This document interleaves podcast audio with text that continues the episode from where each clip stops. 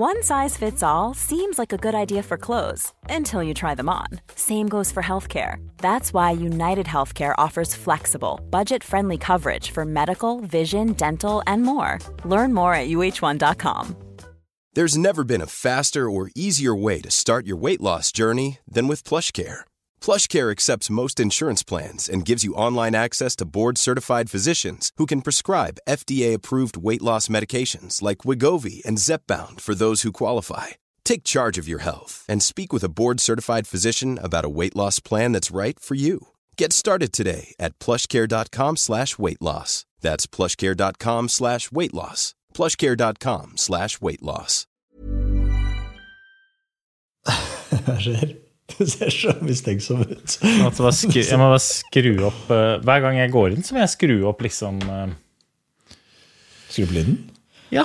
Så du tror på et eller annet tidspunkt så har den bryteren gått rundt. Men det er på en måte sånn uendelighetsbryter. Det er så, eller er det det at noen, tror du noen sniker seg gjennom natta og skrur ned lyden? Demper den ikke sånn nå skal jeg plage han Pettersen. Jeg bare demper litt her nå, for da må han hele tiden skru opp litt på volumet. Nei, altså jeg tenkte i utgangspunktet kanskje at uh, det var sånn systemet var, men når du sier det, så stiller du det. Så jeg lager litt i hugg, for at jeg tenker at det kan det være Hans Olav? Som med de der klåfingra fingra sine stikker fingra inn gjennom de gamle vinduene jeg har i det gamle huset, gamle gule huset på landet, og så bare Ja, ja, men det, huset, det gamle huset har blitt fornya i det siste. Det er Vi som har Instagram, det har vi fått med oss. Det er, blitt, altså, det er så mange kvadratmeter platting at det er en plank igjen i Innlandet, eller er det helt Ja, det er det. Litt. Rann. Eh, Men det ligger nå lagra under eh, min platting, fordi jeg kjøpte, jeg kjøpte litt for mye. Men altså Det er akkurat kommet nye regler sant, på hvor, hvor stort du kan bygge, og hvor høyt du kan bygge uten å søke om det. Og dette forhørte jeg meg litt rundt om, og så tenkte jeg ja, men greit, da, da holder jeg meg innenfor grensene, men bare så vidt. Ja, hva er det knappeste? Og- og Fortell er- om prosjektet. Hva er det som har skjedd her nå? Du, Tusen takk at du tar det fram. Altså, det er jo mm, Jeg er jo kjent for en blid fyr. Jeg har mye energi. Veldig, my veldig ofte så bruker jeg den energien på å jogge rundt i skauen i tights, og det er nyttig for ingen andre enn meg selv. Men nå, i mai, gode mann, da bestemte jeg meg for at jeg skulle lage platting. Jeg fyren med altså, Folk sier liksom at det er ti tommeltotter. Altså, jeg er født med I, i enden av mine armer så er det to hæler. Altså, jeg har ikke noe hæler. Ti hæler har jeg. ja, ikke, så, ikke stumper. Det er ikke sånn, ikke så katosal. Det er ikke, det Nei, er ikke nei, det. nei, nei, nei. Det er ti hæler. Ti hæler. Eh, Og med de ti hælene så har jeg da skrudd platting, og det du, det var altså så gøy. Så nå er jeg inne på sånne nettsider og lurer på om jeg skal kjøpe meg sånn ordentlig verktøy. Kappsag. Åh, det der, det eh, der litt sånn forskjellig. er, Vet du hva jeg hører? At du er en mann som er i ferd med å bli 40 år. Det er jo det jeg hører. Det er det det er. Merker du det ikke sjøl? Skal jeg si en ting? Ja. Du hører en mann som er i ferd med å bli 40, og som nyter det. Nå skal jeg ha kappsag! Vet du, altså, og Det var så mange ting som var så gøy. For, sant? Ok, du skal bygge platting. Ja, det er greit. Jeg sladder ut jeg, ikke sant, i, i treningstøyet mitt og skal skru og Jeg har ikke på meg noen sånn snekkerbukse. Aldri sjøl. hva faen skal jeg med snekkerbukse. Skal jeg si en ting, Hans Olav? Det er en grunn til at snekkere bruker snekkerbukse og ikke bruker skibukser. Hvorfor? For det første, det er altså, skibukser har jo, hvis du er heldig, én lomme. Ja. Du bør ha veldig mange flere lommer, for du må ha blyant, du må ha skruer, eh, du må ha eh, litt sånn vater, du må ha tommestokk. Altså, det er så mange ting du må ha som ikke får plass i skilomma. Det er Har det du ene. drillen i sånn som et sånt frekt våpen på sida? De aller frekste de har gjerne drillen. De aller frekste har jo spikerpistolen liggende i hofta. Bare, Hei sann! Smokk! Der sitter Ja, nei, Hei, ja, det har jeg ikke. Det har jeg ikke. Men, men siden du tar opp drill, da, uh, før jeg går videre på snekkerbuksa Jeg har drill. Det vil si at jeg i 20 2015 gikk Sveriges nest største turløp. Jeg gikk Sveriges største turløp også, men også Sveriges nest største turløp. Og det heter Skinnaloppet, så vidt jeg vet. Og der, ikke bare gikk jeg, men unge Pettersen gikk i brudd etter klar, ferdig brudd. Ja. Og så vant jeg det rennet. Og vinneren av Skinnaloppet 2015 fikk altså ikke bare en drill, han fikk en verktøy koffert full av verktøy fra Milwaukee. Så drill, min gode mann. Der er du dekka. volts drill. Jeg har sånn, jeg har sånn Jeg vet jo ikke hva det heter. Jeg har så mange sager jeg ikke får brukt. Jeg har Pusseapparater borre, boregreier. Jeg har, jeg har Nei, masse. det boret du viste nå, er tørkløpsbor. Det har du ikke. Du må komme og se. Det er utrolig hva jeg har oppi den. Jeg vet ikke hva det heter, men det er livsfarlig. Alt jeg har. Før du går videre på firsekkebukse, en siste vi, vi digresjoner er noe vi driver med. Eh, Skibukser. Hvorfor er det så få lommer på dem? Og, og blir det færre lommer? Hva er det som skjer? I år eh, skulle jeg ha ny skibukse, og så tenkte jeg jeg skal glede meg til å bruke den. Og så har jeg, tenker jeg at jeg må ha med meg litt ting når jeg skal på tur. Ha med seg mobil. ting som man, Kanskje må man ha med det. Ja, Det er kjekt man skal dokumentere turen. Og sånn. Og så bare Det er jo ingen lommer. Det, jo, det er én lomme. Den er sånn bak på rumpa. Så er den så liten. Jeg vet ikke hva man har i den lomma. engang. Nøkkelen. Nøkkelen. Ja. Bilnøkkelen har du der. Ja, og, det er ikke plass til nei, du skal ikke ha noe i lommene. For hvis du har noe i lommene Har du noen gang liksom øh, sittet i hockey med mobilen i lomma? Det går ikke. Har du noen gang hatt en, en liten sjokolade øh, nær tissen når du jogger rundt i skauen? Da svetter du i hjel på tissen, og da kommer det tissesvette på sjokoladen. Ikke interessert i det. Altså, Du skal ikke ha lommer. Dette er jo gre greia. Det er jo, det er jo sånn du kan se om folk er skiløpere eller ikke. Det er på drikkebeltet. Ikke sant? Ja. Når du ser folk som jogger med drikkebelte, eller som går på ski, det er skiløpere. Ja, men de gjør Fordi seg litt vi er, vant til ikke, ha, vi, vi er vant til å ha med oss ting, men vi har ikke lommer, så vi har drikkebelte. Eller nå er det jo drikkesekk er jo det nye, da. Så, så det er grunnen til at det ikke er lommer. Og, og de som fyller opp lommene, jeg ser det på mils avstand. Ja. Og der kommer det en smarting som kommer til å drite seg ut. Så fort han får på seg skia nå, så kommer han til å angre på at han har fylt Jeg, lommene jeg slår et slag for Én lomme. Én frontlomme. Gi meg én frontlomme, så kan vi møtes på halvveien. Én frontlomme. Bør ha to. Én. Mm. Men ok, vi, vi, da snekkerbuksene. Okay. Snekkerbukser. Ok, nei. Um, så eh, ja, det var lite lommer. Det var det ene. Det andre er jo at eh, Jeg vet ikke om du har lagt merke til det, men snekkerbukser har jo sånne puter på knærne. Ja, det, det er ikke de Levis-varianten som har det, men jeg skjønner at Nei, det er de er aller råeste i klassen har det, kanskje. Ja. Og, Den og, og det, er ganske, det, det er ganske digg å ha, for jeg kjøpte jo da sånne Møre Royal vedlikeholdsfrie eh, terrassebord med sånne riller. Ja. Har du noen gang prøvd å sette deg på kne på sånne riller? Liksom, vi snakker typ 60 timer Nei. på knærne. På sånne, uten puter på knærne. Det, det, min gode mann, det er oppskriften på vannblemmer på knærne. Så jeg, etter dag én, begynte å gå rundt med skateboard. Altså, jeg hadde skibukse med skateboardbeskyttelse, knebeskytterne utapå. Ikke sant? Så jeg hadde ingen lommer, så alt lå strødd utover. Så hadde jeg skibuksa mi, og så hadde jeg skateboardpads. Og så etter hvert så tenkte jeg faen, så dumt. Så jeg, sånn, jeg driver stisykling òg, vet du. Det er masse som tar meg i 40-årskrisa. Men da, på stisykling, så har jo da Sweet Protection har noen sånne supersmoothe sånne knebeskyttere som er myke når du har dem på deg, og blir knallharde hvis du krasjer. Eller i hvert fall sa selgeren det. Jeg håper det stemmer. Hva, altså, jeg, jeg skjønner ikke, dette, dette høres ut som lureri. altså, at de, at de blir jeg til et annet materiale idet de krasjer. Og Ja, Hvordan altså, vet de at de krasjer? Jeg skjønner ikke. Jeg vet ikke. Altså, når du sier det nå, tenker jeg sånn det, Jeg burde sjekka litt bedre, for jeg var god selger. Null kildekritikk her. Ja, den butikken er borte også. Det var sånn pop-up-stand. Med de magiske knebeskytterne som blir harde. Har de, har de noen, er de tester? Du vil ikke teste det heller. Altså, skal du ikke hele tiden si at du prøver å slå dem i bordet, sier de ja, det blir ikke harde. Nei, men de funker bare i in real life setting. Han, han, prøvde å selge meg noe, han prøvde å selge meg noen sykkelklær òg, som jeg ikke så. De var usynlige. Utrolig lette på kroppen. Nei, da, så, så det hadde jeg da også. Sto jeg her og så hadde jeg headset, ikke sant? hørte jeg på podkast, Ja. og så bare drilla jeg.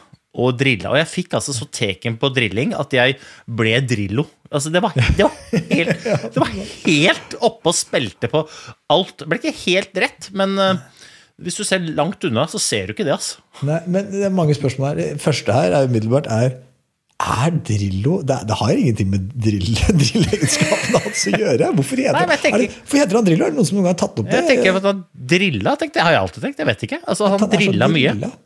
Ja. Egen drill, drilla Olsen, så ble det Drillo, da. Ja, altså, ikke. sånn drillpikedrille? Jeg vet ikke, Nå tråkker jeg ikke på alle tær da, og, og det sier at det ikke er menn. Nei, men Menn når du dribler, drille. liksom. Altså dribling.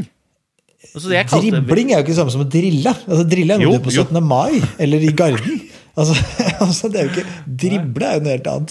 Ja, men jeg kalte det for I Groruddalen så sa vi 'å, han drilla, liksom. Ja, men det er fordi i Groruddalen så kan de ikke norsk så godt. I hvert fall ikke på den tiden. Men samme det, her blir helt på siden. Ok, La oss gå tilbake til der vi var. Disse, hvorfor, må du, hvorfor må du skru disse bordene? Hvorfor kan du ikke hamre som en vanlig snekker? Fy faen. Vanlig snekker. Nei, ikke det blikket er- der. Hva er det for så hovent blikk? Hva? Hva?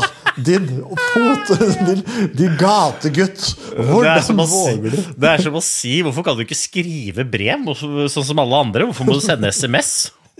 Liksom bare sånn, Herregud. Nei, det er så hovent er det ikke. Jeg har ikke lest så hovent. Det er det verste. Det er det verste. Ok, så, spiker, okay, så når jeg, jeg ser deg bygge hus med spikerpistol, så er det retro snekkere. Du sa ikke spikerpistol, du sa hamre, sa du. Nei, Men skal jeg si deg hva jeg hører her, Hanso? Jeg hører en mann midt i 30-årene som er mye eldre, egentlig. Altså, du er, du er gammel, du! Det er Hamre! sant. Ja, men jeg, jeg har For vet du snakka vi om når vi begynte med prosjektet, så tenkte jeg sånn hvor, men, men altså, hvorfor? Liksom, hvorfor? Det er sånn, eh, hvor, du, du har via livet ditt til andre ting. Da. Så du er mye flinkere på andre ting, så bør du overlate til de som har via livet sitt som er ordentlig gode på faget. Altså håndverkere som er drita flinke. La, overlat dette til dem, så dette blir skikkelig bra. Og så du, har du tiden din så du kan løpe i skauen eller reise rundt og gjøre de tingene du driver med. Men så merka jeg at du, har jo, du, du finner en genuin indre glede. Altså Dette er din form for terror. Dette er en ny form for meditasjon for deg. Og du hadde, han, du hadde jo lurt med deg en folk. Du hadde med han der eh, Han Ja, som altså, jeg- løper i skauen sjøl.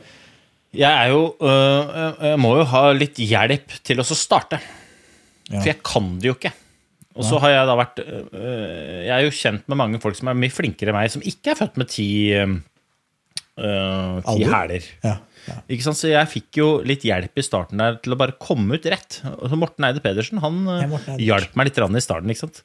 Han, jeg, det er to, øh, to gode naboer, vil jeg ikke si, for han er ikke nabo, men han er god. Øh, Og jeg var ikke så god, så det var én god mann, og så var det meg. Og vi var ikke naboer.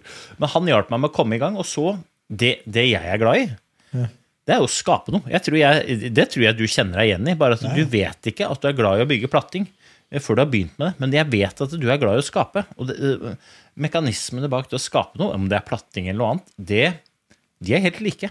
Vet du, når jeg sto der og skapte den plattingen, ikke aleine For jeg hadde jo da hjelp av Morten, f.eks., i starten.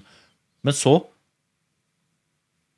Det å være Drive et sånt prosjekt Fy faen, så stolt jeg er. Altså, jeg, jeg, Jeg jeg, oppriktig. Dette her er, tok dette her, dette er ikke noe snikskryt. Dette her er offentlig skryting av noe jeg er dritstolt av, hvor folk kan komme. De trenger ikke å kjøpe billett, for jeg er interessert i at folk skal komme og se på.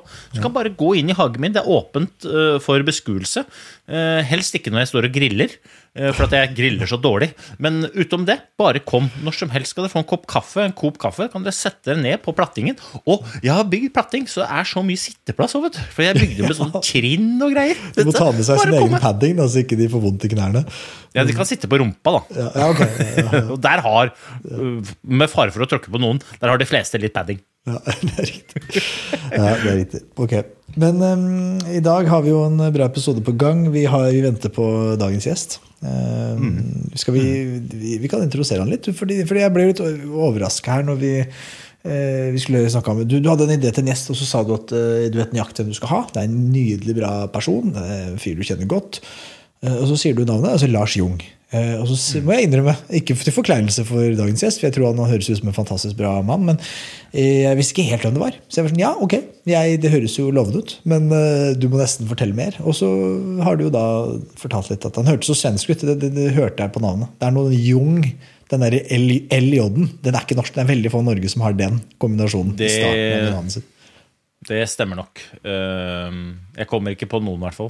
Ehm, Men nei, Lars Jung, det er altså en, ehm, en nydelig mann. Er, jeg ble kjent med Lars Jung eh, gjennom skisporet. Eh, Han studerte i Meråker, jeg var i Meråker, og så ble vi kjent. Eh, det som er med Lars, da, at han har altså noen personlige egenskaper som gjør at han i et hvilken som helst miljø er en positiv bidragsyter. Han gjør alle rundt seg gode. Og jeg er interessert i å høre om han gjør det bevisst, eller om det er bare sånn han er. Eh, fordi at han Altså, Lars Jung, han har vært, vært med det norske sprintlandslaget. Eh, og, og var en del ja, han var en del av vårt lag, eh, men han, han var ikke kvalifisert som løper. Og han var heller ikke ja, norsk statsborger. Men han, ja. Men han var en del av det laget, rett og slett, og han hadde en sånn slags sånn kulturrolle. Og det var det mest naturlige i hele verden at han var der. Og han gjorde altså så mye bra for oss og for meg og for det laget. Eh, Men så er jeg veldig spent på å høre om han noensinne hadde en sånn definert oppgave.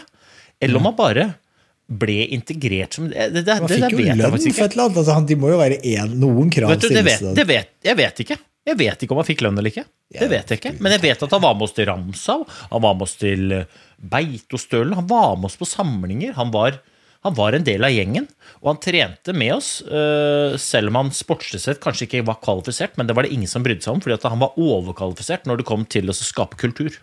Og, og i ettertid så har han jo da jobba, det kan han fortelle om selv, da, men han jobba med utøvere og gjør det fortsatt. Eh, ikke nødvendigvis i kulturrollen nå, nå jobber han mer teknisk på prestasjonsanalyser, og spesielt innenfor teknikk, så vidt jeg veit. men jeg mener at han har aller mest å bidra med på det mellommenneskelige og på kultursiden.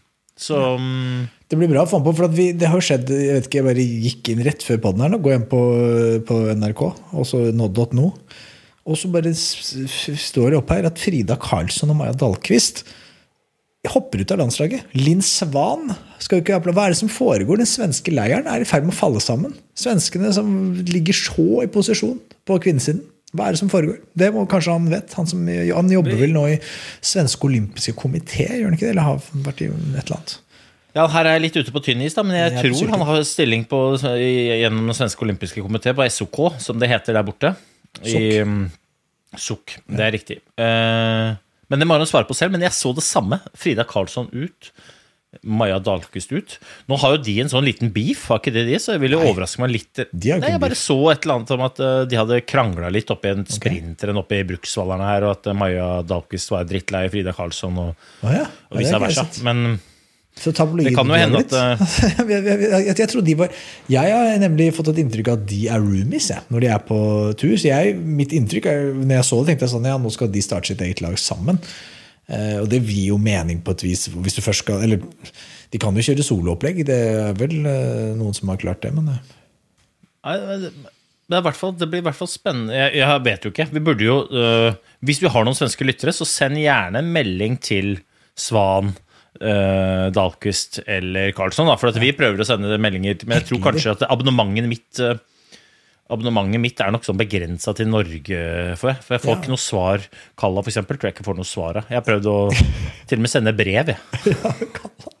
Kalla, Vi har jo ikke prøvd så hardt på så mange men vi har jo en eh, god må ha en shout-out til Jonathan Steen, som har hjulpet oss i kontakt med litt ulike svensker. Han har til og med, Det er jo en feil Veldig dumt å, å, å Det er dumt å så oute de spionene vi har, da. Ja, det er riktig. Vi hadde aldri holdt på å si det, selvfølgelig. Ja, han er en nydelig mann. Johan Jonathan er en nydelig mann, så han er på prinsipielt grunnlag, og vi hyller han. Men han har til og med knytta redaksjonen i kontakt med Nils van der Poel, eh, som vi i redaksjonen ikke har fulgt opp. Så det er utrolig svakt. Nå må vi det, nei, det, det visste jeg ikke. Men hadde jeg visst det, da hadde, det der, da hadde jeg ikke, da hadde jeg ikke drilla. Da hadde jeg ringt uh, van de Pool med en eneste gang. Og så for at, Da hadde jeg ikke drilla noe. Og jeg er ganske sikker på at han ikke driller så mye heller. Han driller jo en del på isen. Han driller på han, Nei, det er ikke det. han driller ikke en del på is. Han driller en del på sykkelsetet. Det er jo det som er det fascinerende med fyren. Han bare sykler jo, men han vinner OL-gull av det. likevel. Verdens, eh, verdens uh, raskeste skøyteløper på sykkelen. Det Ja, er verdens, han er verdens beste skøyte- altså skøyteløpende syklist. Det er, liksom, det er det han er. Det- Tenk deg den duatlonen, da. Da skulle Blummenfeld fått jobba litt, faktisk. Ja, den er frisk. Sykkel og skøyteløper. Men tenk deg han, han på temposykkel. det jo at Hvis han hadde stilt opp i svensk mesterskap i temposykkel I Norge hadde vi jo han, hva het han, Reidar Borgersen, som var eh, en gammel Ja, ja. skøyteløper, som altså sykla tempo som ingen andre. Jeg vet ikke hvor mange NM-gull i tempoen her, men det er ikke få. Men nå skal jeg si deg noe annet fun fact, innen, i, i og med at vi er liksom Vi har sladda helt ut. Um, nå, skal jeg si, nå skal jeg si deg en annen ting. Vet du, uh, Blummenfeld tok jo Ja, uh, olympisk gull. Ja, ja. Hill, Hill, Hill.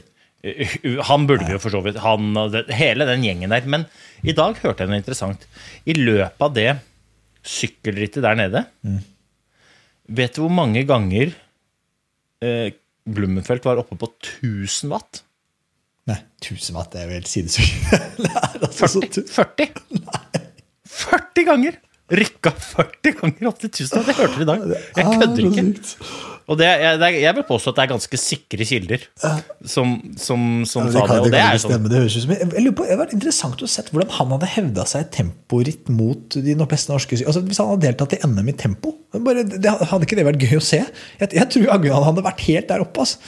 Fordi det er liksom en sånn helt der oppe. Gutta løper jo Gutta løper jo mila på under 30 etter å ha svømt og sykla. Altså, det er liksom Det er Henrik eh, Det er Henrik-nivå på det greiene der. Og Henrik Ingebrigtsen-nivå. Så det er bra. Da, Ja, ja. Men vet du, nå skal du få en um, god nyhet. Okay. Lars Jung er på vei inn i studio. Yes. Skulle spille en liten hilsen til Coop her etter podden, men eh, Øystein han eh, klarte ikke å rømme studio raskt nok, så her sitter jeg aleine. Men eh, som sagt, det er jo bare shout-out til våre gode venner i Coop som lager en rå, rå kaffe. Jeg sitter her jeg, og drikker siste slatt av Kenyasen. Og så hopper vi bare tilbake. Det er altså så lugnt og god stemning med Lars. Fin fyr. Fin fyr.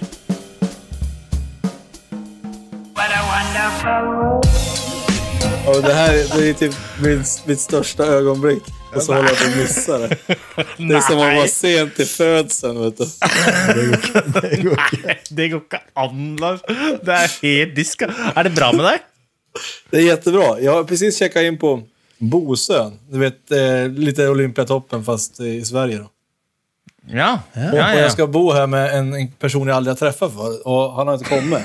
Så att det kan vara att jag kanske måste göra ett litet break och säga hej och återvända till podden Nej. lite senare. då. Nei, da kan du ta den med inn i poden. Ja, han är snowboardtränare enligt de papper jag har. Det är ju intressant. Det är ju lite annan kultur än den, den vi är van kanske. Ja. Ja, du är ju lite åt det hållet kanske, men ja. Ja, ja, takk som du sier det. Jeg var en gang, jeg kan by på den historien, ja, siden vi er liksom godt i gang. Det er jo da en, um, Valsenales, der ligger jo da svenskelaget og trener i høyden. Norske laget ligger der. Uh, russerne pleide å ligge der. Uh, og mange andre. Stort sett egentlig alle italienske små unger som står på slalåm også, når jeg tenker meg om. Eh, men da var det en gang jeg skulle ned og spise lunsj før vi skulle ut på andre økt, og da ble jeg stoppa i døra av uh, kelneren og sa at no, no. Uh, no snowboarders, only for cross country skiers. Ja, det er er- som ikke spilte den så god der. Akkurat i den situasjonen. så det Vet ikke. Eh, Men jeg, jeg tok det som et kompliment, så jeg gikk og kjøpte meg en burger. Jeg på utsida tenkte Dritdigg for meg, da. Det er är veldig komplimang. Ja, ja. Det er kompliment. Det er nydelig. Det er nydelig. Lars, det er jo glede å ha deg på. da Vi har jo hørt, så vi har introdusert deg litt før du kom på nå. Så, så hørte jeg litt om bakgrunnen eh, deres. da Men, men vi får høre fra deg. da Hvordan kjenner du Øystein? Eh, ja, vi känner varandra sen, jag bodde i Norge i, i en period på tre år. Och jag träffade Öystein första gången där på sommarskidskolan i Meråker. Det var första gången vi träffas. Och sen så äh, träffas vi en hel del via norska sprintlaget när Öystein var med där också. Fick jag äran att gästa eh, under tveksamma former i två års tid kan man väl säga. Så Ja, då umgicks vi mycket. Då var vi till och med, bodde vi till och med på samma rum. Då. Så det var, det var, det var tider. Ja, ja, men det, det her, for her ja, vi prøvde vi å komme til bunns. Jeg spurte Øystein ja, men hva, hva gjorde han Altså, hva, hva gjorde han med det norske landslaget? Hva gjorde denne svensken? Hva, hva, foregikk? Liksom? Var han en spion på innsiden? Var han, og så sa Øystein nei, nei, nei, han bidro altså så innmari til kulturen der. Men jeg er litt usikker på hva, jeg er litt usikker på hva egentlig funksjonen var. Få høre det nå. Hva, var rollen? Jo, så her var det. Eh, det här han började ju med at jeg spelade gitarr og sjöng på et bröllop til Øyvind Sambak. Han har ni säkert, kjenner känner ni säkert till. Eh, och han var ju lite i Olympiatoppen i Norge och han ville ge tillbaka någonting fint som ett tack för att jag hade bidragit på hans bröllop. Och då hade han lite olika alternativ. Och ett alternativ det var att lyfta på luren till Ulf Morten Aune eh, som var sprinttränare då, till Sprintgutta i Norge och fråga ska vi inte göra någon grej på Beitostörningen, på säsongsöppningen där? Någon grej som liksom välter media och som riktar all fokus mot de här sex grabbarna i Sprintgutta istället för att det blir skidskytte eller vad det nu skulle vara. Som konkurrerade om mediauppmärksamheten. Jo, tyckte Ulf, det blir ju en jättebra grej. Så det var ju så jag kom in i sprintlaget med, med det tveksamma uppdraget om att skapa eh, uppståndelse är ett negativt ord, men någon form av show eller någonting där på Beitostölen Ah. som då låg ett halvår fram i tiden. Så jag fick ju vara med i Ramsau i augusti och Livigno i september. Det var ett bra samlingsupplägg alltså. Det var, det var inte dåligt. Och under de här månaderna så växte den här idén fram om att göra en parodi på svenska sprintlaget som hade gått från stora höjder till en djup dal och nu var det Norge som var överst på tronen. Då. Så då passar Ja. jag bra i rollen också då, som Ja, ja, en, eh, en förbipasserad svensk. Ja, for det, det, det, det Lars snakker om nå, da, det ligger vel faktisk Det, det er jeg helt sikker på ligger ute på YouTube. Det er veldig flaut, så jeg vil helst ikke at folk går inn og søker opp. Men da er det altså Det er altså Det er meg og Børre Ness og Hattestad og Jo Christian Dahl og en haug av folk som synger og danser i kondomdress foran et fulltallet norsk pressekorps. Og øh, det var Det var jo Det var altså på den tida så hadde vi altså så mye moro. Herregud, jeg husker Den, den samlinga du snakker om i Ramsau Siden dere er inne på YouTube allerede, så kan dere godt google opp en video som heter Glørsen goes old in Ramsau. Og det er altså en video eh, som er av Anders Glørsen. For han av annen, Jeg husker ikke hva det var han tapte, men han tapte et eller annet som gjorde at han måtte klippe seg. Og han måtte altså klippe seg sånn munkesveis. så han klippte seg eh, inne på ramsa, og så klippte han da altså av alt håret oppå opp på toppen, som på sånn monstermåne. og så Det er altså det sjukeste. Og når vi da jogga, det gjorde vi på en treningsøkt, og så når vi da jogga hjem så traff vi jo folk. Ikke sant? Vi hadde bar overkropp. Han var altså så Han var altså så Nå er du i gang, ja. Her er det. Her er det. Men så sa Glørsen at han hadde lyst til å klippe seg. Vi vil ikke klippe den sveisen Glørsen har veldig lyst på. Så da gjør vi det. Vi tar jævlig ansvar, og Glørsen gleder seg til å begynne. Bra, Glørsen. Det kjennes helt jævlig. Dette var en ond Anders Lørsen. Han så litt eldre ut fem minutter etter den videoen var gjort. Ja, vi skjønner hvor dette bærer. Nei, ta så, ta så spor til slutten, faktisk. Skal få høre på latteren. Altså, det er helt Altså, han er altså. Og da ser du som seg sjøl! Jeg ser han litt mer ut som seg selv i dag. Ja, Og når vi da jogga hjem, så, så traff vi jo en del eh, par hvor da det var noen damer som hadde en mann som hadde samme sveis som Anders, men ingen hadde lik eh, overkropp. Anders full av muskler, og den sveisen som passer best til en mann 70, med fare for å tråkke på noen. Altså, den sveisen jeg snakker om, er at du har det håret i sånn krans rundt. Du bare skaller deg på toppen. Det er det som de som hører på, som ja, Jeg skjønner. Ja, jeg skjønner, jeg skjønner. Dette her blir jo, er jo veldig en, en intern eh, humorfest, og det er sånn det skal være. Det er sånn det skal Ja, være. men- Men, men jeg, jeg hang meg opp i en ting som du sa i stad. Du sa at du, nå fikk vi litt svaret da, på hva som var rollen her, den egentlige rollen. Men, men du var jo med mye lenger, var du ikke det, Lars? Det var ikke sånn at du stoppa, det stoppa ikke etter den, det stuntet her? Nei, jeg fikk jo en specialinbjudan til Mal Mallorca året efter også, vil jeg minnes. Det var jo også en rolig samling. Eh, så det var vel et gästspel. Og så tror jeg vi var i Orsa Grönklitt en sväng også, Så jeg fikk, jo, jag, jag fick ju vara med litt mer rundt laget också. Eh, efter mitt eh, stora uppdrag där. Då. Och det var ju eh, otroligt kul. Uppdraget och även att få vara med lite efteråt. Det var ju nej, fantastiskt gäng. Där snackar vi, där snackar vi bra stämning. Där snackar vi glädje. Där snackar vi kultur. Men Øystein har en hypotese. Ta for, Få høre din hypotese, Øystein, om hva som egentlig foregikk her. Hva da? Du sa jo at, at grunnen, den egentlige grunnen til at Lars du, altså Øystein sa i stad, da kan jeg si skryten. Det var skryt av deg, Lars. Men Øystein sa at Lars sa han, er så sinnssykt god på å bygge de rundt seg opp. eh, Og så god på å bygge god kultur i et lag. At Øystein sa at jeg tror Lars hadde sin jobb var å skape god kultur i laget. Og det fikk han til. Ja, eller altså det, det, det jeg opplever da, Lars, er at du har en egen evne til å spille folk rundt deg jævlig gode. Uh, og nå kommer snowboardtreneren inn døra. Det er Ja. veldig hyggelig. Uh, men det går fint. Jeg Kalle. Sitter og spiller inn en podcast här. Men det er lugnt. Støker på. Så, så fortsett med å Ja, hilse på Kalle og så be ham om å være stille, du, Lars. Det er veldig Ja, det er lugnt. Unnskyld. ja, ok. Ja, det går fint. Nei, det, det som jeg sa, Lars, var at eh, jeg opplever at du har en egen evne til å spille folk rundt deg innmari god. Eh, og så er jeg da har jeg lurt på om det er noe som faller deg naturlig, eller om det er noe du gjør bevisst. Nei, det er jo ingenting som, er, som jeg tenker på så. Det tror jeg inte. Man bara är, är som man är någonstans. Och jag tror ju inte att Ulf Morten, ja i och för sig, har man hört mig spela och sjunga gitarr så kanske man kan ifrågasätta vad mitt egentliga uppdrag var på plats där. Då. Men, men just det där är ju ingenting som, som jag tänker på, utan det är ju bare sånn som man er som person. Ja, for at jeg opplever i hvert fall at selv om kanskje ikke jeg helt klarte å definere hvilken rolle du hadde, så var jeg veldig glad for at du, du, du var der. Og jeg, jeg sa det til Hans Olav at jeg, jeg så på det som det mest naturlige tingen i verden at du var med oss på samlingene. Og jeg er veldig glad for at du gjorde det. Eh, Fordi at du, eh, du bygde jeg opplever at du i aller høyeste grad var med å bygde den kulturen som vi faktisk hadde. Da. Og selv om det var veldig mye fjas, og selv om det var veldig mye moro, så var det jo veldig seriøst uh, i tillegg.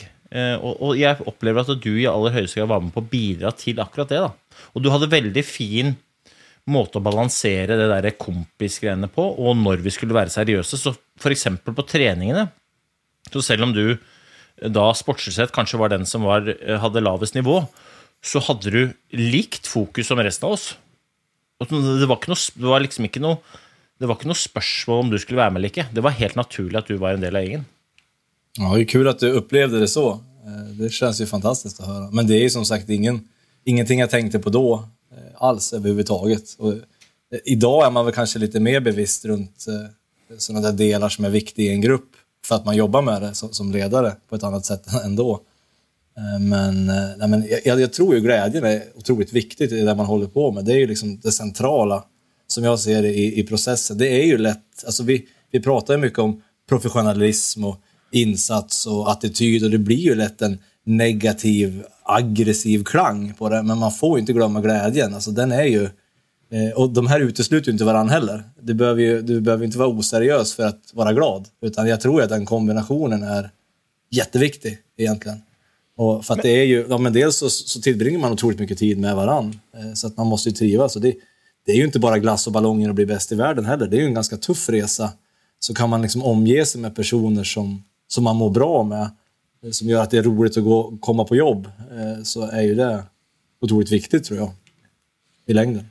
Men, men du har jo da hatt æren av å Altså, du jobber jo nå i SOK. eh, Og du jobber ikke nødvendigvis direkte med, med kultur. Det du jobber med, er vel sånn mer eh, prestasjonsanalyser og teknikk. Er det riktig å forstå? Det er jo mitt gamle jobb. Jeg jobber jo som landslagstrener i Sverige nå siden to år tilbake. Oh. Se så. Bra har research. da? Research. Ingen research, ingen research, så det er ikke tenk på det. Eh, Ok, ja, da skjønner jeg. Men da er jo da, er- da har jeg to spørsmål.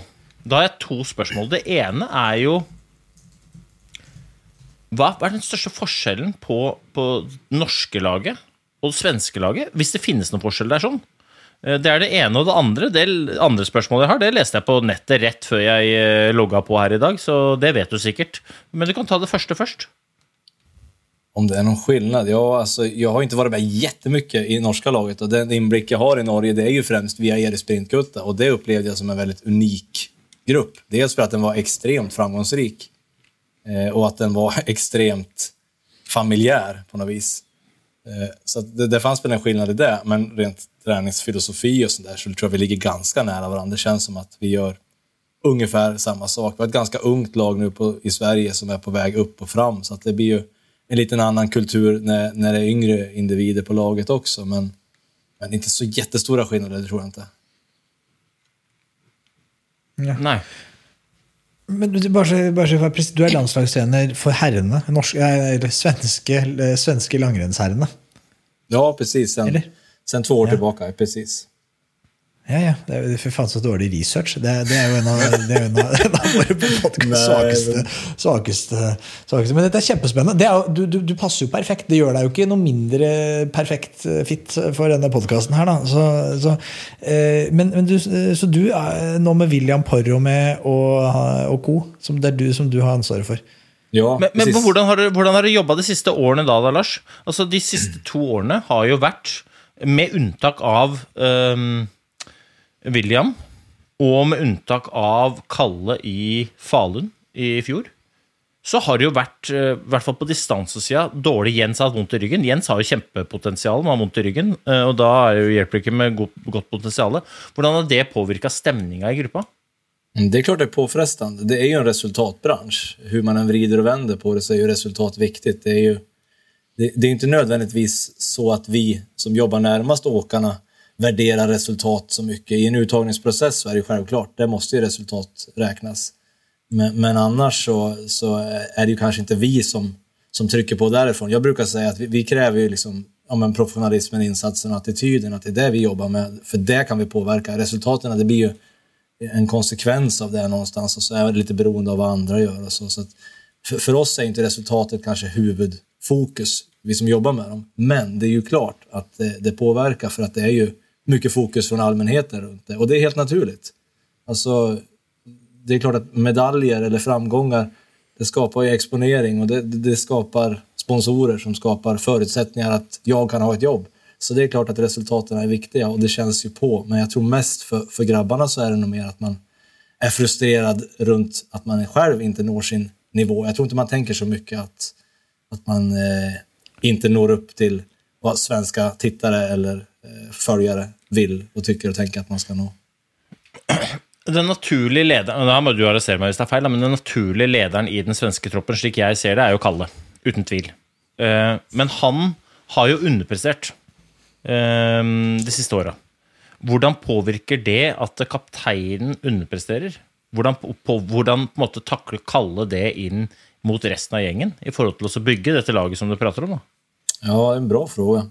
Kalle er jo unik som person på det viset at han har jo liksom ikke Han slipper jo et dårlig resultat på et helt utrolig sett. Han er jo som en gås, det renner ju av ham på en gang. liksom. Og så er han samme gode, glade Kalle. Og det kanskje bor en utmaning i det også, for å kunne ta neste steg någonstans. Men jeg syns ikke at det påverkar han så mycket in mot gruppen, utan alla är ju väldigt överens om att Kalle är viktig för gruppen, att han har ett stort en stor roll både socialt men också sportsligt. Så är det. Sen är det klart att Kalle har ju blivit eh, kulturbärare eller ledare eh, lite ofrivilligt kanske. Det kanske inte är en roll som han själv hade valt, utan det har ju blivit så för att han är den som hänger kvar från den här lite mer framgångsrika generationen. Då. Så att, eh, han har väl fått burit den en del på sina axlar och, och haft en del förväntningar på sig som kanske inte alltid är, är, är jättelätt så, men jag upplever jo inte att det har en har någon negativ inverkan på gruppen. Eh, Inte alls. Det tycker jag inte. Utan Kalle är jättebra för gruppen. Og jeg leste, jeg leste jag lurer på om det var idag, jag läste att at Kalle skulle satse i fem år til. Mot Ja. eh, VM i Falun. Det läste jag också, eller jag säga. Det, det, det kom lite oväntat. Han var ju uppe på... Han är ju lite impulsiv och han var ju på, på plats där när Falun fick sitt mästerskap på scenen med en mikrofon framför sig. Och vad passar väl bättre då? Än att säga fem år till, jajamän. Ja, det, er, det jo nydelig. Jeg skal faen meg stå med litt uh, blåbærsoppa jeg, og, i målområdet hvis han går. Det er imponerende i så fall. Det tycker jag du ska göra. Det är ju få, personer som får så mye skit som Kalle, men han er jo otroligt bra på å hantera det på något vis. Tycker jag. Och det er jo oförtjänt väldigt, väldigt många gånger. Eh, Men eh, han er stor i det tycker jag. Han, han, han tar det bra. Eh, Så jag, jag måste säga var imponerad av Kalle där, för han har ju väldigt ifrågasatt under ganska många år egentligen. Ja, kjempe, Han ble jo hypa opp som det nye stjerneskuddet. Og, og, og det, han tok jo litt den rollen selv. Da. Han var jo ganske frampå om at han skal ta Northug av, av toppen av pallen, og det var ikke måte på. Så han, han fyrte jo litt oppunder det selv, og så leverte han. Altså, det er klart, når du skal snakke som Zlatan, så bør du jo helst levere som Zlatan. Og hvis man ikke gjør det, så liker, sånn er det jo litt, da. Men jeg er helt enig med deg. Kjempehøye tanker om Kalle. Og Kalle, vi har jo hatt Kalle på i poden her for det begynner å bli en stund siden nå. Da. Men det jeg synes jeg vil spørre deg om Kalle, det er, det er det er så mange som uavhengig av hverandre har sagt til meg at Kalle er den eh, som har best, de beste fysiske forutsetningene til å bli verdens beste skiløper av de de har sett. Sånn, motoren og styrken og liksom alt. Han har liksom den perfekte skikroppen. Men så klarer han liksom ikke å Han har aldri, han har jo vært i perioder den beste i verden, men han har aldri vært den beste når det gjelder. Hva er det som hindrer Kalle, slik du ser det? Oh, vilken svår fråga. Eh, för, till att med så är jag ju helt enig att det är ju en fantastisk kapacitet som, som bor i den där kroppen. Han har ju egentligen allting. Vi pratade faktiskt om det i bilen på vägen hit han har ju liksom allt. Han har ju snabbheten, han har styrkan, han har uthålligheten. Men eh, det, det är ju, utmaningen är ju för han liksom att sätta ihop det till en helhet. Utmaningen är att kunna filtrera vad som är viktigt och vad som inte är viktigt. Eh, Det er klart at der finns, finns det en utmaning, det, det tror jeg. Ja, altså, her... Jeg hadde jo, vi hadde jo Kalle på da Med fare for å snakke meg selv opp i, i, i Opp i nivå, da, opp til Kalles nivå. Det har jeg ikke lyst til å gjøre. Men allikevel så har jeg lyst til å dra parallellen mellom meg og Kalle. For jeg kjenner meg veldig godt igjen i den typen utøver Kalle er.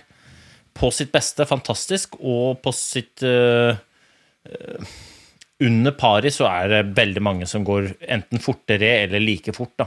Eh, Og, og Kalle òg er jo en sånn fyr som nesten uansett er i form på sommeren.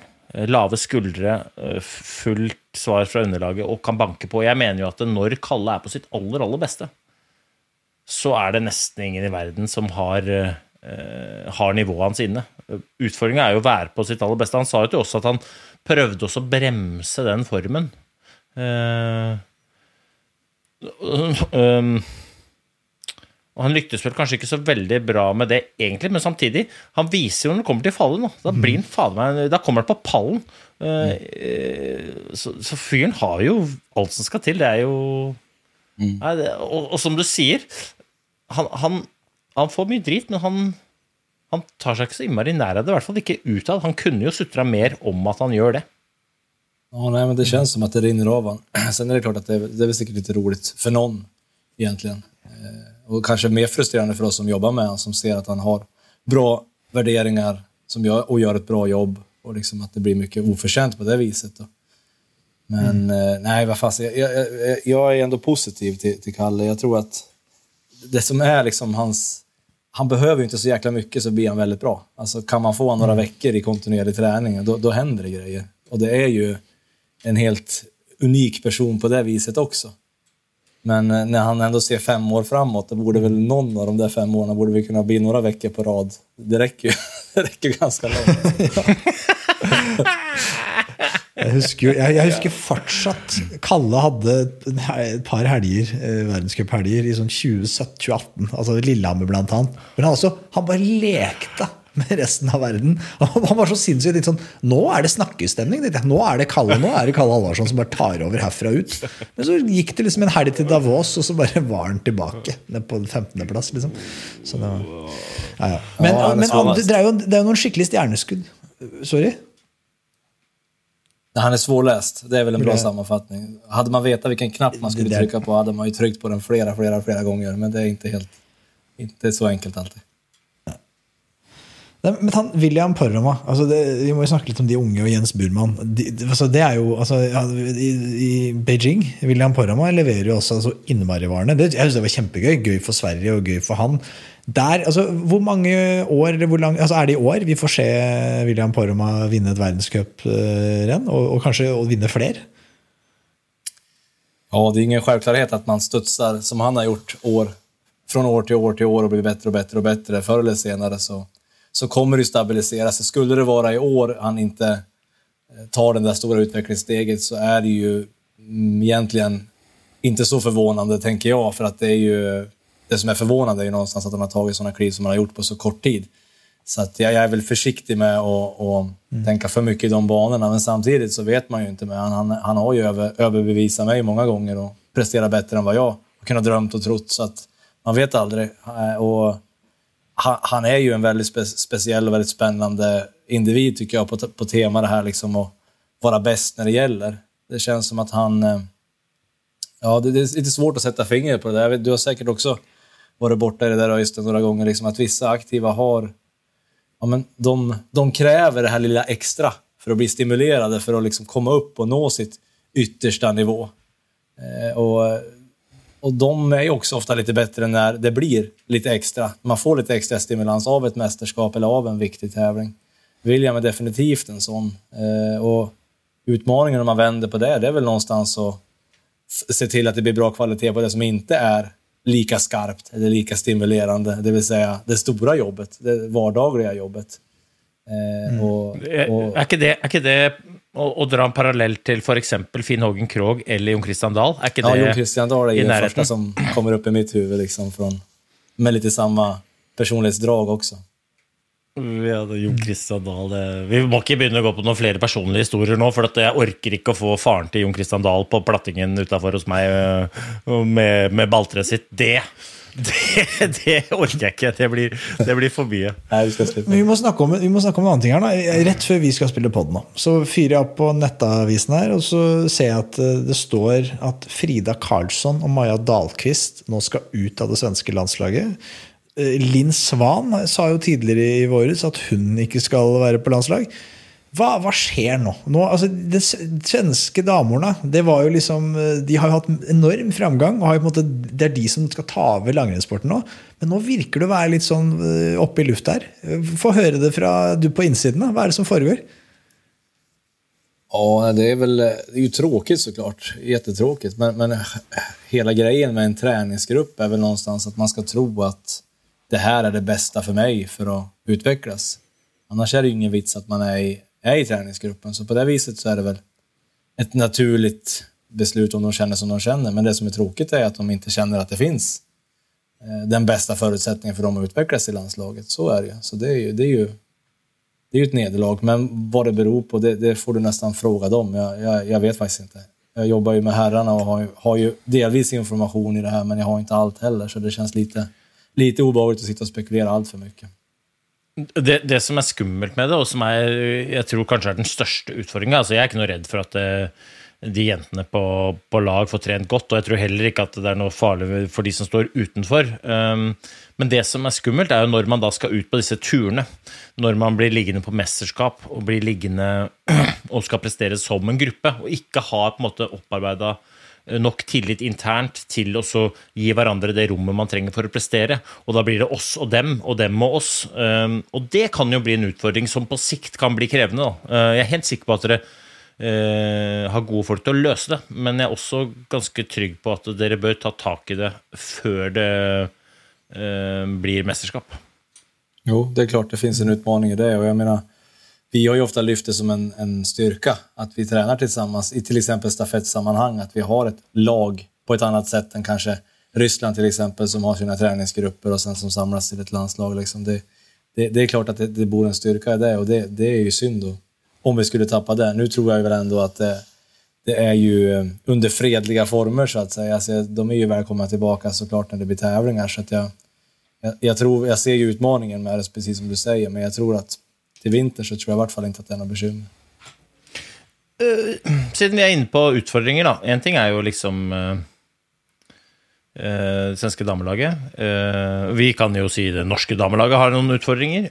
Men så har de jo langrennssporten og FIS og verdenscupmodellen sånn som den er i dag òg, da. Altså, vi har VM Planisa i Slovenia. Den beste slovenske løperen på damesiden de siste årene, Ann-Marie Lampic, hun velger da å gå over til skiskyting rett før det er VM på hjemmebane. Eh, hvordan er liksom stemninga i Sverige rundt verdenscupen i langrenn og framtida for, eh, for verdenscupen sånn som vi kjenner den i dag? Det blir jo ingen bra tecken når, når Lampert skriver åt sidan. Det blir jo obegripligt. Och vi hadde jo litt samme sak med Hanna Kolb var vel en sånn åker året, eller det var to år innan Oberstdorf VM. Så det er klart at det, det ger ju lite dåliga vibbar. Känslan är ju ändå att det är väldigt, i, i Sverige så är det väldigt populärt med världscupen just nu. Det är tv-rättigheter som, som det krigas ganska hårt om och det är många som tittar. Och så att jag tror att intresset i våra länder är ganska stort, men utmaningen är väl snarare i att intresset i länderna utanför Skandinavien känns ju svalare. Och det är klart att det kommer ju bita oss i svansen över tid, så är det ju. Ja, for du, eh, de som ikke vet Lars eh, Jung han har jo da eh, også gått langløp, og du har til og med øh, du har starta ett lag, og så har du vel vært en del av et annet lag, øh, Lager 157, som da er Sveriges øh, største langløpslag per dags dato, med, med de største stjernene og med Emil Persson og Britta Norgren. Nå har hun for så vidt gitt seg, men øh, tror du at en sånn type modell ville, ville gjort verdenscupen, også langrennssporten, mer populær? Ja, du tänker privata lag istället för landslag eller? Ja. Jag tror väl ändå att det finns någonting med att tävla länderna sinsemellan. Då. Alltså Sverige mot Norge och så. Det tror jag. Men eh, kommersiellt så finns det ju en kraft i att kunna jobba som privata lag. Det, det tror jag absolut. Men det, det är ju en bit bort som jag, som jag ser det just nu. Men man vet ju aldrig. Det, det händer ju ganska mycket på ganska kort tid. Så att, eh, det, det blir spännande att se. Ja, min, min løsning på det der er jo at eh, når folk hører private lag, så tenker de med en gang at det må hete Lager 157, og, og sånn, de må oppkalles etter, etter private virksomheter. Og Det tror jeg er en dårlig modell, nettopp av det at jeg tror du, som du sier, da, du, du vil ha et flagg liksom, du kan holde. Men eh, Chelsea og Liverpool og Manchester United er jo private lag. Eh, Men de har på en måte en bytilhørighet. De har en geografisk tilhørighet, samtidig som det er et privat lag. Og det tror jeg man skal holde på. Du skulle kunne hatt eh, eh, Oslo sitt lag og hva heter disse, Falun sitt lag og eh, Oberstdorf sitt lag. Ikke sant? Eh, Som kunne Oberstdorf Flyers. Eh, altså eh, og, og Ja, hvem er det, da? det er Finn Hågen Krogh. Det er Finn Hågen Krogh og Kalle Halvorsson. Det er, Ja, og de Jon Christian Dahl. jo, de hopper jo i hoppbakken. Oberstdorf.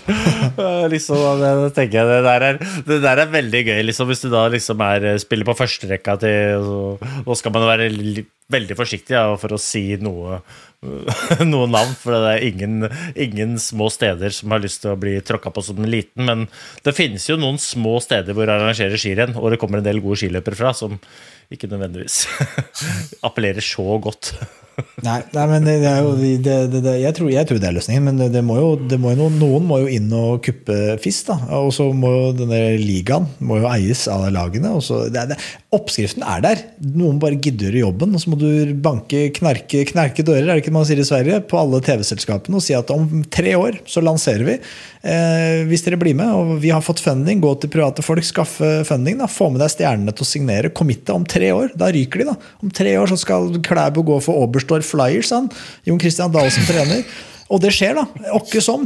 Og så får du med nok store stjerner, så kommer alle andre å hoppe etter. For skiløperne de er enkle, da. De følger penga. Jeg tror, og jeg tror, da vi snakka om Frida Karlsson og Maja Dahlquist, jeg er jo redd for at det også spiller inn her. da. De følger penga. Og det er jo et problem. ikke sant? Når de sponsorinntektene er jo viktig for, eh, antar jeg, for svenske landslaget. eh, Og når de største stjernene velger å stå utenfor, så sier jo sponsorene at vi vil jo ha kraftlogoen vår vil vi ha på Karls, Frida Karlsson. Ikke på ikke tråkke på navn. Utøver X. Eh, og så forsvinner penga. Og da forsvinner jobben din, og så er man, liksom, er man i gang. Da. Og da blir man sånn fragmentert virkelighet hvor alle, ingen helt får til noe, og noen har lyst til å stå utenfor, men så må de forholde seg for at FIS har et eller annet monopol.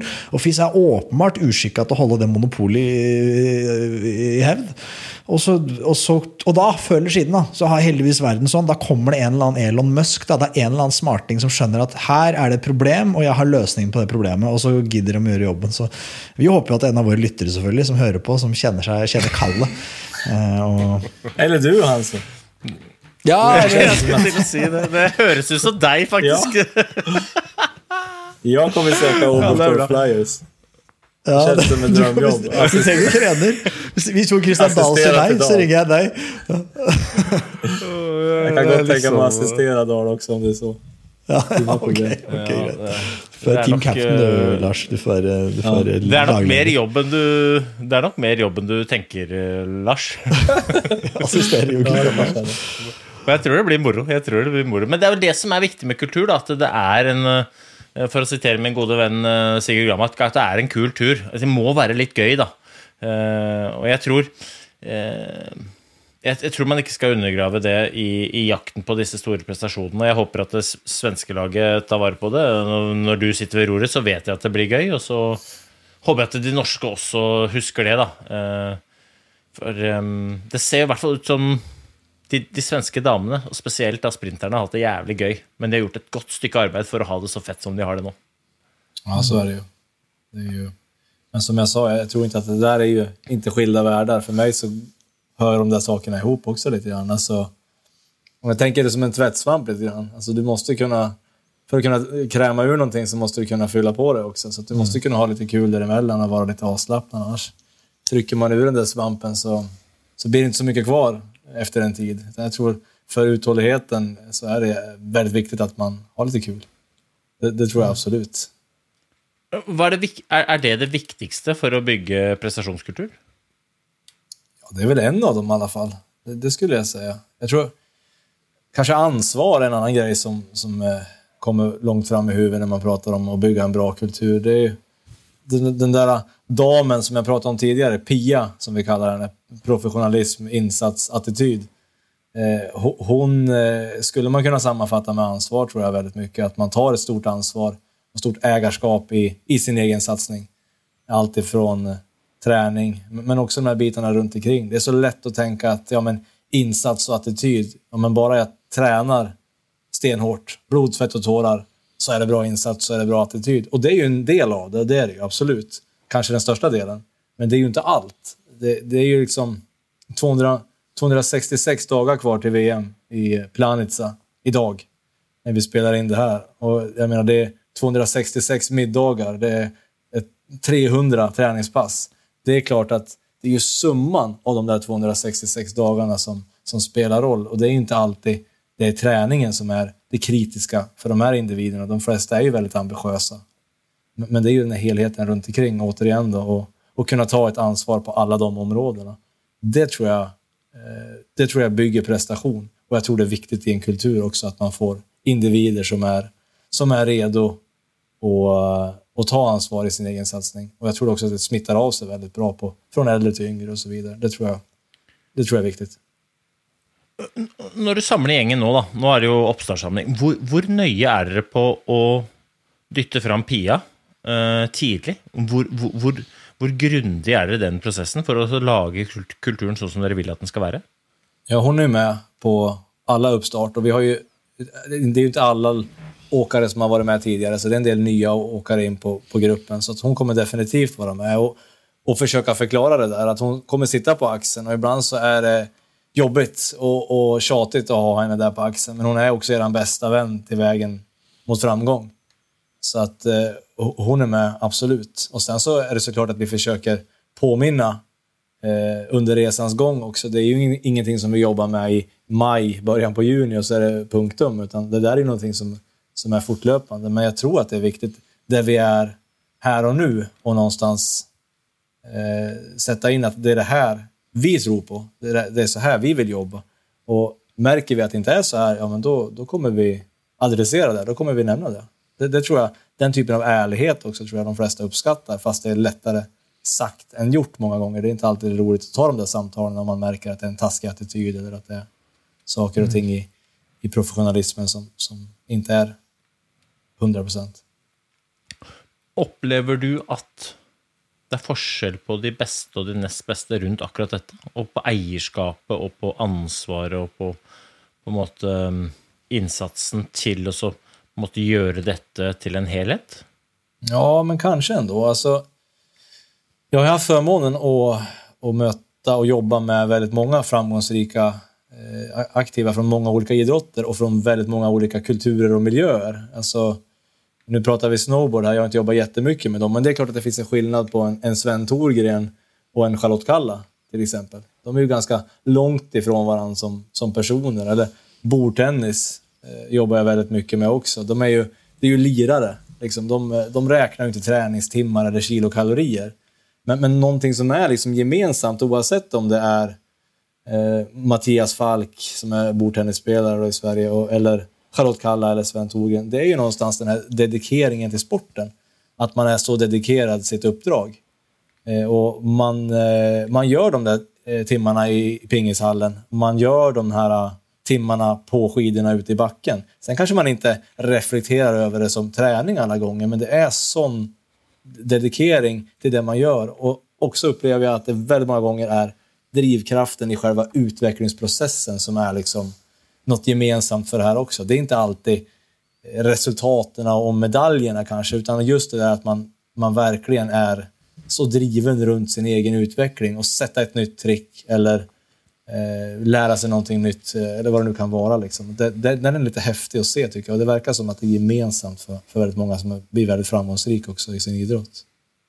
Och så er det väl litt sånn att at eh, vi har alltså så mange muligheter eh, i dag eh, at det er nesten lett å ikke ta noen av de. Altså Vi ender opp med å ha en haug av baller i lufta, lander ingen av de, fordi at mulighetene er så mange. Men verdien av å gripe de mulighetene, de ser vi jo ikke, eller den ser vi jo ikke før vi ikke har noen muligheter igjen.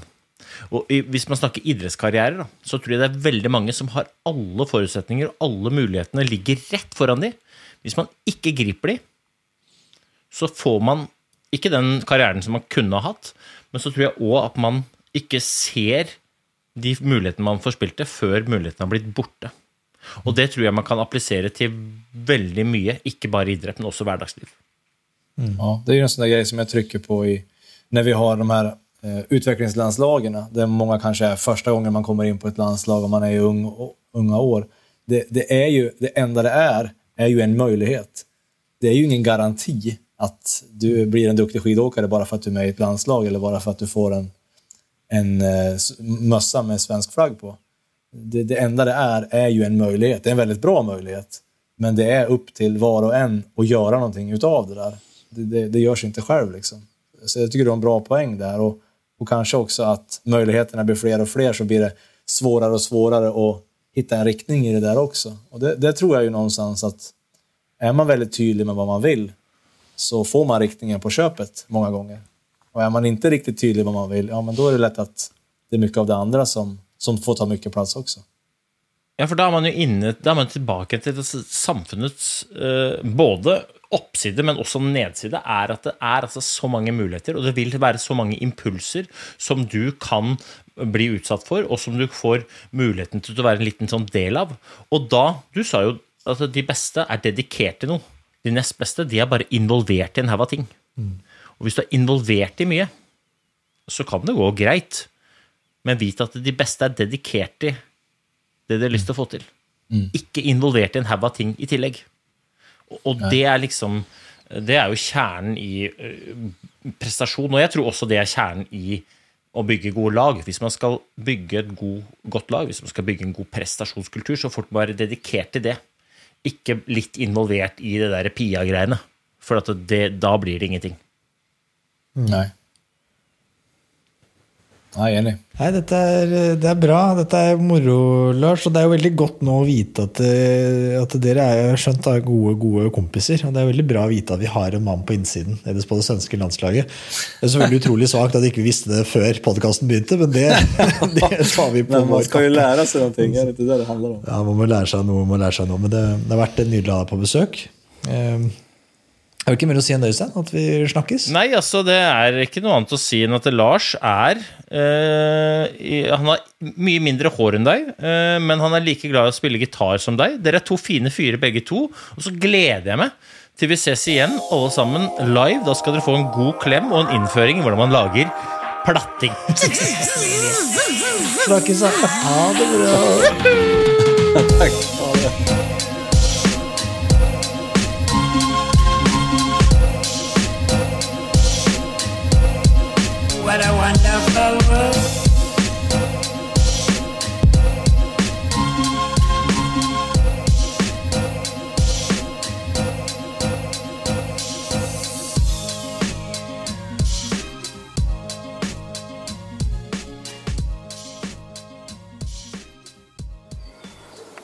dager.